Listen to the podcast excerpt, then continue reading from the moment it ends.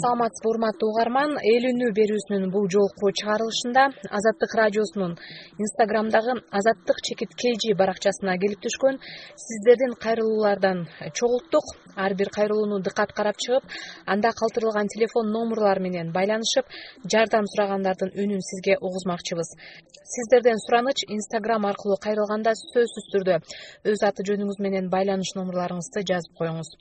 Алгач чет жакта калган атуулдарыбыздын кайрылуулары менен баштасак москвадагы шереметьево аба майданынан дамир бактыбеков аттуу жаран кайрылды. Тилекке каршы ал телефон номурун калтырган эмес анын кайрылуусун сизге окуп берейин. Азаттык радиосунун жамааты сиздерден сураныч эл өкүлдөрү менен байланышып кабарлап коюңарды өтүнөбүз. Москва шаарында шереметьево аэропортунда көптөгөн жарандарыбыз турат. Ошол эле учурда биз да барбыз.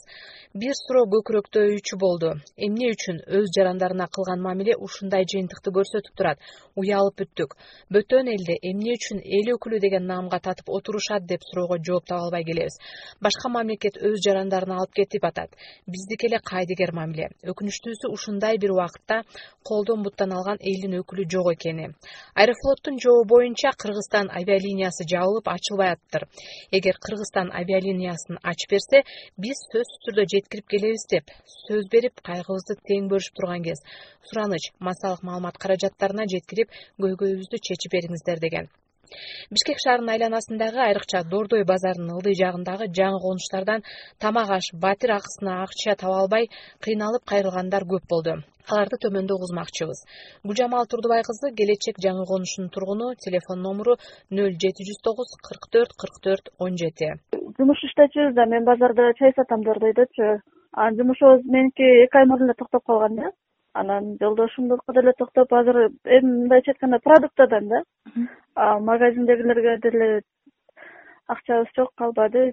Жазбай деле калышты. Ошо үч балам бар. Сиңдим менен төртөө да төртөөүнү ушу мен карайм да. Квартирада турам алты миң квартира төлөйт элем квартирамды хозяйкага айтып токтотуп бериңиз десем көнбөй атат да ошого кыйналып кеттик. Келечек он экинчи көчөдө отуз экинчи үйдө. Атын атагысы келбеген ак жар жаңы конушунун тургуну үч баланын энеси телефон номуру нөл беш жүз элүү эки кырк беш элүү жетимиш жети. Ак жар биринчи көчө он алтынчы үй.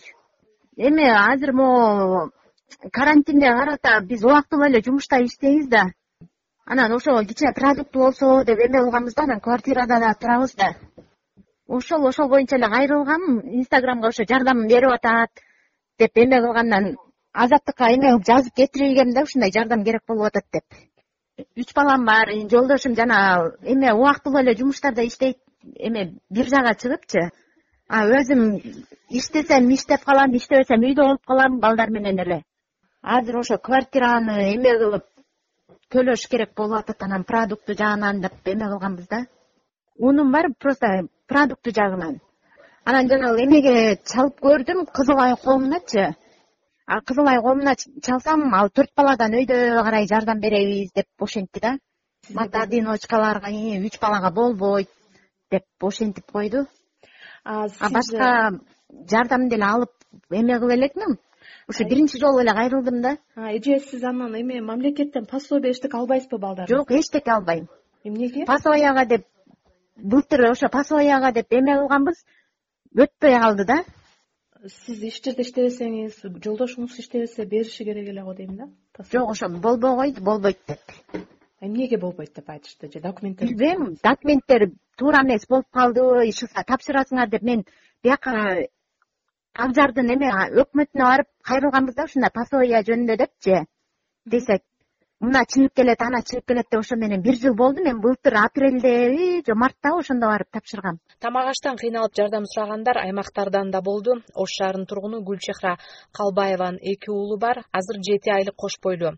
Тамак аш батир акысынан кыйналып турган учуру телефон номуру нөл беш жүз отуз тогуз отуз жети сексен жети. Квартирам ошол эки уулум мен квартирада жашайм. Жанымда студенттер менен жашачу элем алар чыгып кетти өзүм калдым он эки миңди өзүм төлөшүм керек онуна чейин.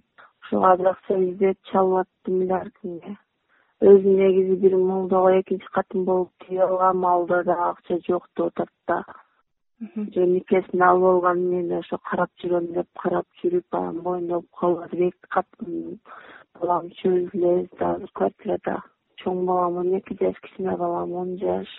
Телефон төрт запасныйда магазиндерден карыздарым бар. Мен мурда иштебейт болчумун эки миң он эки миң он алтыда иштегем россияда иштегем эки миң он жети эки миң он сегиз эки кулагым кутай калып операция болгом элим барсыңбы бир жыл карап жүргөн бир жыл карап жардам берген.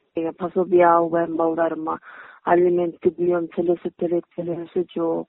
Азыр эки кат боюмда бар жети айлык чолпон ата шаарынын тургуну аралайым батанова өзүнүн эки инисинин эки баласын жалпы төрт баланы жалгыз багууда телефон номуру нөл жети жүз сегиз токсон төрт токсон төрт кырк. Эмне жардам болмок эле бизге тамак аш балдар менен үйдөмүн да иштей албай кичинекей балам менен квартирада турам анан аябай кыйналып кеттик могу карантинде эч жака чыга албай мурда файберликте эме кылып косметикаларын кыдырып сатып кичине неме кылчумун да балдарыма тамак аш кылып эки балам бар. Ооба анан анын үстүнө иним дагы келинчеги менен ажырашып кетип анын ал дагы келинчеги кетип эки баласын таштап кеткен иним москвада иштеп жүрөт. Өзүм эки балам анан анын эки баласы менен төртөөнү багып аткам да иним да тияктан келе албай же акчасын ала албай аяктагы ызы чуу карантин болуп такыр кыйналып атыптыр күндө чалам акча саласыңбы деп такыр дагы эмете албай анан. Балдар менен аябай кыйналгандан жазган болчумун айлам кетип. Чолпон атада ипподром жакта жашайм квартирада.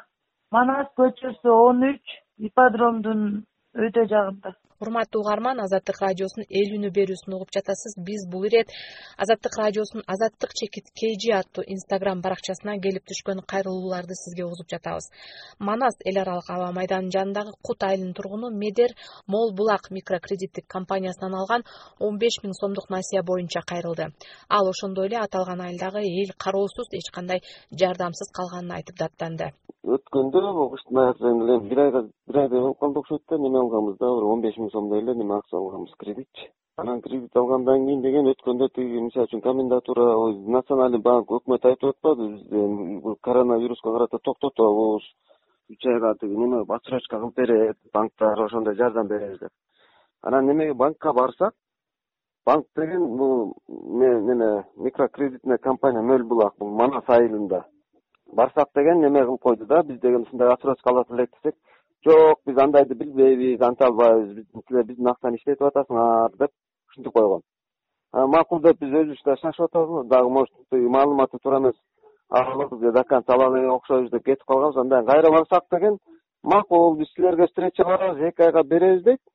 Бирок деген кайра эле ошонун үстүнө тиги процент кылып туруп андан көбүрөөк акча кылып берип атат да. Анан ошон үчүн айтып атканбыз да тиги или бизди өкмөт алдап атат или тиги мисалы үчүн ошо микрокредитный немелер компаниялар өкмөткө баш ийбейт. Бул кандайча депчи? Ошо айтып атат да силер деген мисалы үчүн азыр отсрочка кылабыз деп биз анан андан да бизди алдап атат да тиги силер деген эки айга макул силерди түшүнүп эки айга отсрочка берели.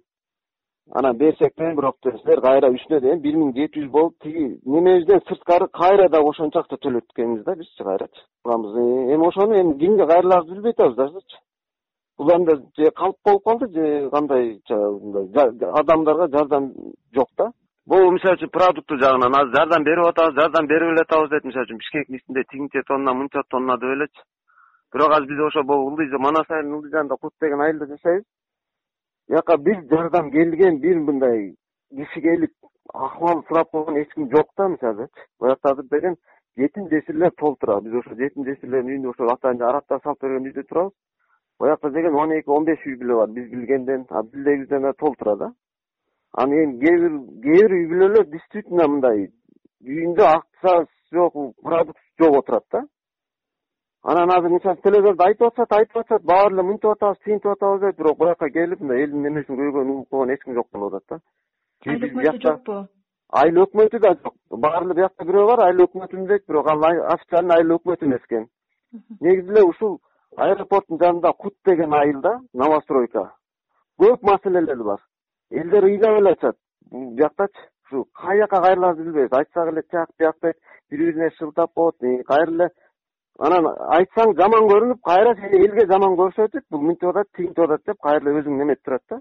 Мол булак микрокредиттик компаниясынын өкүлчүлүгүнө кайрылып бул маселе боюнча жооп сураганыбызда насыя алгандарга жеңилдик каралганын бирок ар бир учур конкреттүү териштирилерин билдиришти. Азыркы учурда ооба караштырылып жатат. Албетте биздин компания тарабынан дагы акыркы белгилүү себептер менен байланыштуу.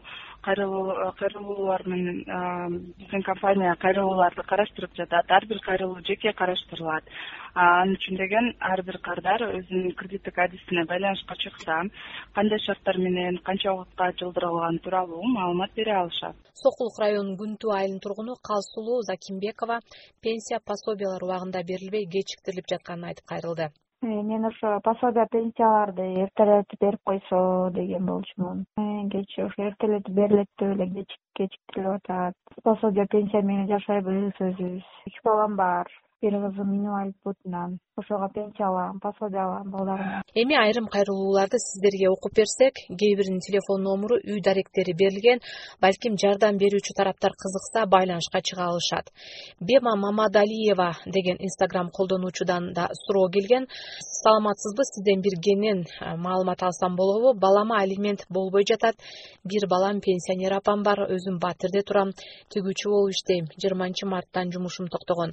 Батир коммуналдык кызматтарга кантип төлөйбүз деп ойлонуп жатам кимге кайрылсам болот.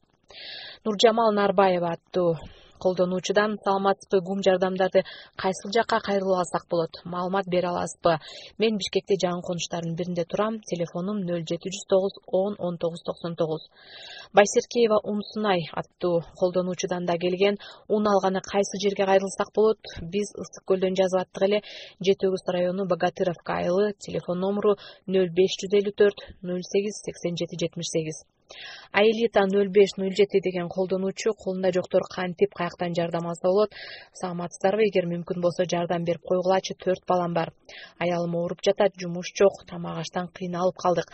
Бишкек алтын казык конушу ак сай көчөсү жыйырма төрт телефон номуру нөл жети жүз үч жетимиш тогуз он бир нөл төрт урматтуу угарман бул ирет эл үнү берүүсүн сиздер инстаграмдан жиберген билдирүүлөр менен даярдадык. Инстаграм баракчабыз азаттык чекит kg эгер сиз да билдирүү калтырсаңыз анда сөзсүз түрдө аты жөнүңүз телефон номуруңузду жазыңыз. Whatsapp номурубуз нөл беш жүз элүү тогуз жүз сексен сегиз жети жүз элүү беш. Элдин үнүн мен бактыгүл чыныбаева чогулттум аман туруңуз